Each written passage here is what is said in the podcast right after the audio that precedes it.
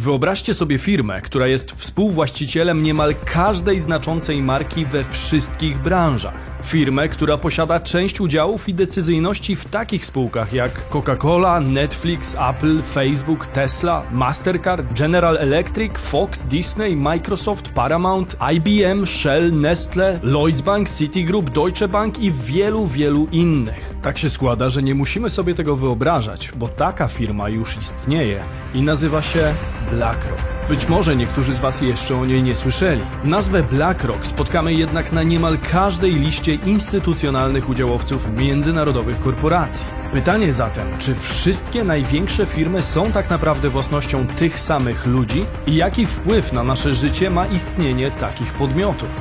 I wreszcie, czy można powiedzieć, że BlackRock rządzi światem? Sprawdźmy to.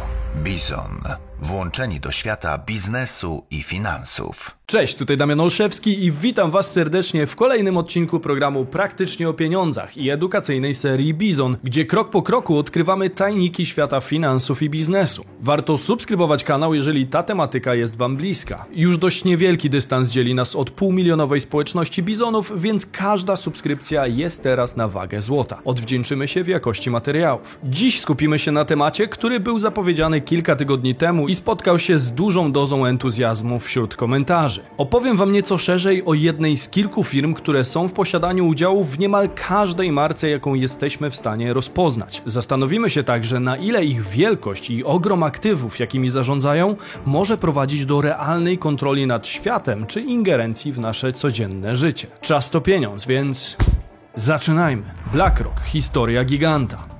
BlackRock został stworzony m.in. przez obecnego prezesa korporacji Larego Finka, który miał przeszłość w polityce i sektorze finansowym. Po krótkich doświadczeniach z polityką, Fink pewnie zdążył zauważyć, gdzie ukrywa się prawdziwa władza. Dlatego w 1976 roku rozpoczął karierę w nowojorskim banku inwestycyjnym First Boston. Jego pobyt tam był usłany sukcesami, aż do pewnego momentu. Dekadę później, w 1986 roku, Larry popełnia karygodny błąd a jego departament traci około 100 milionów dolarów na skutek nietrafionych przewidywań dotyczących stóp procentowych. Tak kosztowna wpadka skończyła się dla Finka nagłym bezrobociem, ale i otworzeniem nowego rozdziału w jego karierze. Dwa lata później, czyli w 1988 roku, powstał bowiem BlackRock, którego jednym z założycieli stał się właśnie Larry Fink. Początkowo BlackRock funkcjonował jako Blackstone Financial Management z racji kapitału, który wyłożył na to przedsięwzięcie Pete Peterson z funduszu Blackstone. 5 milionów dolarów za 50% udziałów.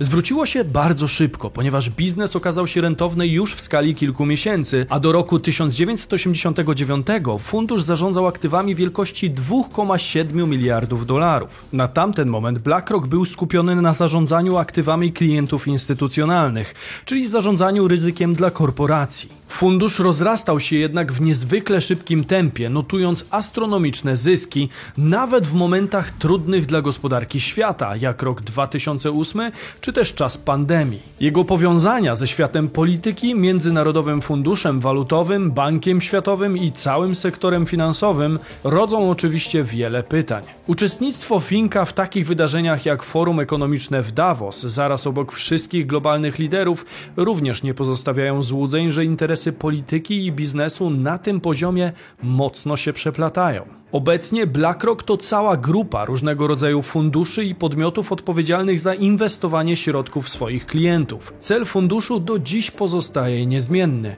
maksymalizacja zysku dla udziałowców i spółki, ale i dla inwestorów przy relatywnie niskich kosztach zarządzania. W kontekście kosztów udało im się to osiągnąć m.in. dzięki wdrożeniu systemu Aladdin. System ten zbiera dużą ilość danych i wykorzystuje matematykę do tego, aby przewidzieć dalsze ruchy rynku. Pasywne zarządzanie kapitałem z użyciem technologii kompletnie zrewolucjonizowało sektor zarządzania aktywami i stało się jedną z wielu przyczyn sukcesu BlackRock, który jest obecnie największy w swojej branży. Pytanie zatem, jaką wartością aktywów zarządza BlackRock? Lider tego sektora zarządza obecnie ponad 10 bilionami dolarów. Trudno sobie nawet wyobrazić, o jakich pieniądzach tu mowa. To więcej niż PKB niemal wszystkich krajów na świecie. Jedynie produkcja dwóch gospodarek, Stanów Zjednoczonych i Chin, jest wyższa od wartości aktywów zarządzanych przez BlackRock. Tak olbrzymie kwoty alokowane przez grupę w imieniu inwestorów sprawiają, że nazwę BlackRock znajdziemy na niemal każdej liście udziałowców znaczących spółek w danej branży. Coca-Cola? Jest. PepsiCo? Również. Tesla? Jest. Procter Gamble? A jakżeby inaczej. Goldman Sachs? Również obecny. Zresztą jak większość znaczących amerykańskich i międzynarodowych graczy sektora bankowego, ubezpieczeniowego czy też inwestycyjnego, które w ten czy inny sposób powiązane są z BlackRock czy też Vanguardem. Nie obyłoby się także bez znaczących udziałów w sektorze medialnym. Spójrzcie sami. Vox, CBC, Fox News, czy też Comcast, który jest największym operatorem telewizji kablowej i dostawcą internetu w całym USA. Podobnie jest w przypadku gigantów technologicznych jak Facebook, Google, Twitter czy przedstawicieli segmentów e-commerce, takich jak choćby Amazon. Jeśli myśleliście, że ten fenomen dotyczy jedynie spółek z rynku amerykańskiego, to również muszę Was zmartwić. Zachęcam, aby samodzielnie sprawdzić, jak wiele podmiotów w ten czy inny sposób powiązana jest z BlackRock czy Vanguardem, również na rynku europejskim czy nawet na rynku polskim. Nie bez przyczyny nazywa się go także największym udziałowcem Europy. Ilość kapitału, jaka przepływa przez spółkę, daje jej możliwość pojawiania się na liście udziałowców niemal każdego banku czy większej firmy na różnych kontynentach. W 2020 BlackRock otrzymał nawet pozwolenie na utworzenie funduszu inwestycyjnego w Chinach. Może więc prowadzić interesy na przykład ze spółkami mającymi embargo na rynku amerykańskim, otwierając im awaryjną furtkę i poszerzając własną strefę wpływów. Kilka takich przykładów już miało miejsce. Do tego BlackRock posiada również udziały we wspomnianym Vanguardzie i na odwrót. Podobnie jak Goldman Sachs jest właścicielem części BlackRock. Zatem krzyżowe posiadanie udziałów sprawia, że coraz trudniej jest połapać się we wzajemnych relacjach i unikać konfliktów interesów. BlackRock może bowiem także nie bezpośrednio posiadać udział w inwestycjach obu tych podmiotów i wielu innych podmiotów, co dokłada kolejną cegiełkę w globalnym systemie powiązań i wpływów. A pamiętajmy, że proces ten wraz z postępującą konsolidacją sektora cały czas się rozwija. Konsolidacja branży. W kapitalizmie prędzej czy później w danym sektorze dochodzi do konsolidacji siły rozłożonej na początku na wiele różnych firm w rękach kilku najsilniejszych graczy. Rynek weryfikuje i z czasem zarówno inwestorzy, jak i konsumenci wybierają swoich faworytów, którzy kolejno pochłaniają konkurencję dokonując fuzji i przejęć lub po prostu doprowadzając ją do odwrotu czy bankructwa. Widać to doskonale choćby po branży spożywczej czy chemii, w której marki widziane na półkach często stanowią jedynie jedynie wewnętrzną konkurencję dla siebie nawzajem, będąc tak naprawdę tworem tej samej spółki. Przeciętny konsument ulega iluzji, jakoby Mars, Snickers, Twix czy Milky Way ze sobą rzeczywiście konkurowały. Oczywiście do pewnego stopnia jest to prawdą, ponieważ mają one inny marketing, inny zarząd i próbują często dotrzeć do nieco innej grupy odbiorczej, ale koniec końców pieniądze trafiają do tej samej kieszeni. W branży zarządzania aktywami, której przedstawicielem jest choćby BlackRock, również dochodzi do konsolidacji. Inwestorzy od lat coraz śmielej przesuwają swój kapitał do firm, które są w stanie maksymalizować zysk,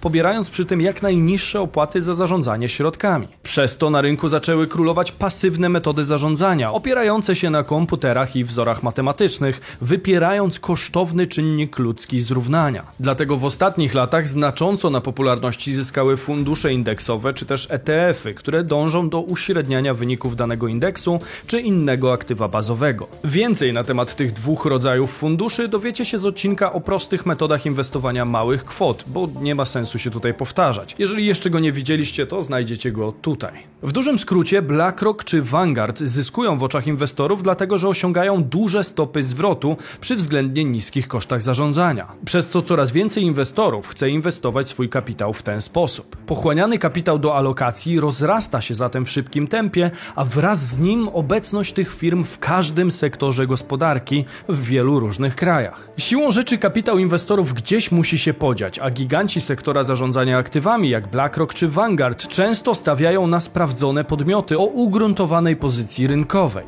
Widząc te same nazwy na niemal każdej liście udziałowców instytucjonalnych, trudno oprzeć się wrażeniu, że to podmioty, które skalą władzy mogą przekraczać możliwości wielu państw, czy nawet rządzić światem. Ta teoria, choć niewątpliwie intrygująca, jest jednak dość grubymi nićmi szyta. Warto zadać sobie bowiem pytanie, co jest ich głównym zadaniem, co jest ich głównym motorem napędowym. Przede wszystkim BlackRock zarządza aktywami. BlackRock to grupa firm, których zadaniem jest zarządzanie kapitałem inwestorów w celu maksymalizacji zysku. To nie oni posiadają 10 bilionów dolarów, ale owszem, to oni zarządzają 10 bilionami dolarów na rzecz swoich klientów. Zatem to inwestorzy są właścicielami tego kapitału i w każdej chwili mogą go wycofać lub przenieść gdzieś indziej. Mam wrażenie, że ten puzzle często jest pomijany w dyskusji na temat tych podmiotów, a warto pamiętać, że zarządca kapitału to nie to samo co ich właściciel.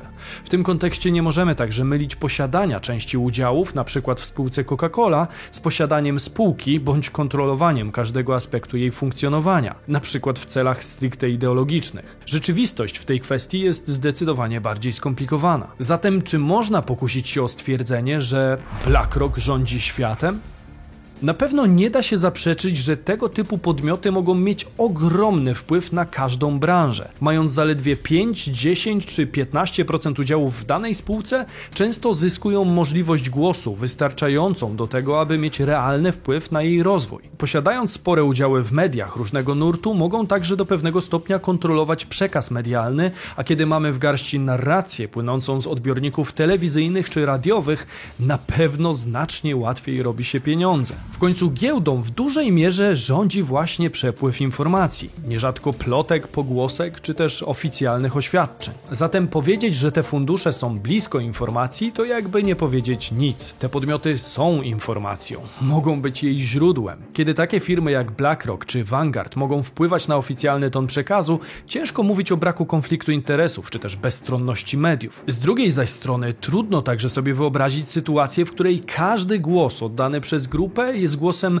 głęboko przemyślanym i kierującym cały świat w określonym ideologicznym czy też biznesowym kierunku. Zwłaszcza, że w większości sytuacji BlackRock czy Vanguard głosują dokładnie tak, jak brzmi rekomendacja zarządu spółki. I nie, nie jest wcale tak, że w każdym zarządzie spółki zasiadają ich ludzie. Zakładam, że taka taktyka jest związana po prostu z uproszczeniem procesów decyzyjnych i skupieniem wysiłków na maksymalizacji zysku. Chcę, żebyście mieli na uwadze, że ilość losowych wydarzeń, ludzkich pomyłek, chaosu spowodowanego przeplataniem się planów przeróżnych grup interesów jest tak duża, że myśl, jakoby jeden człowiek czy też niewielka grupa osób mogła nad wszystkim tym zapanować, jest w pewnym stopniu abstrakcyjna.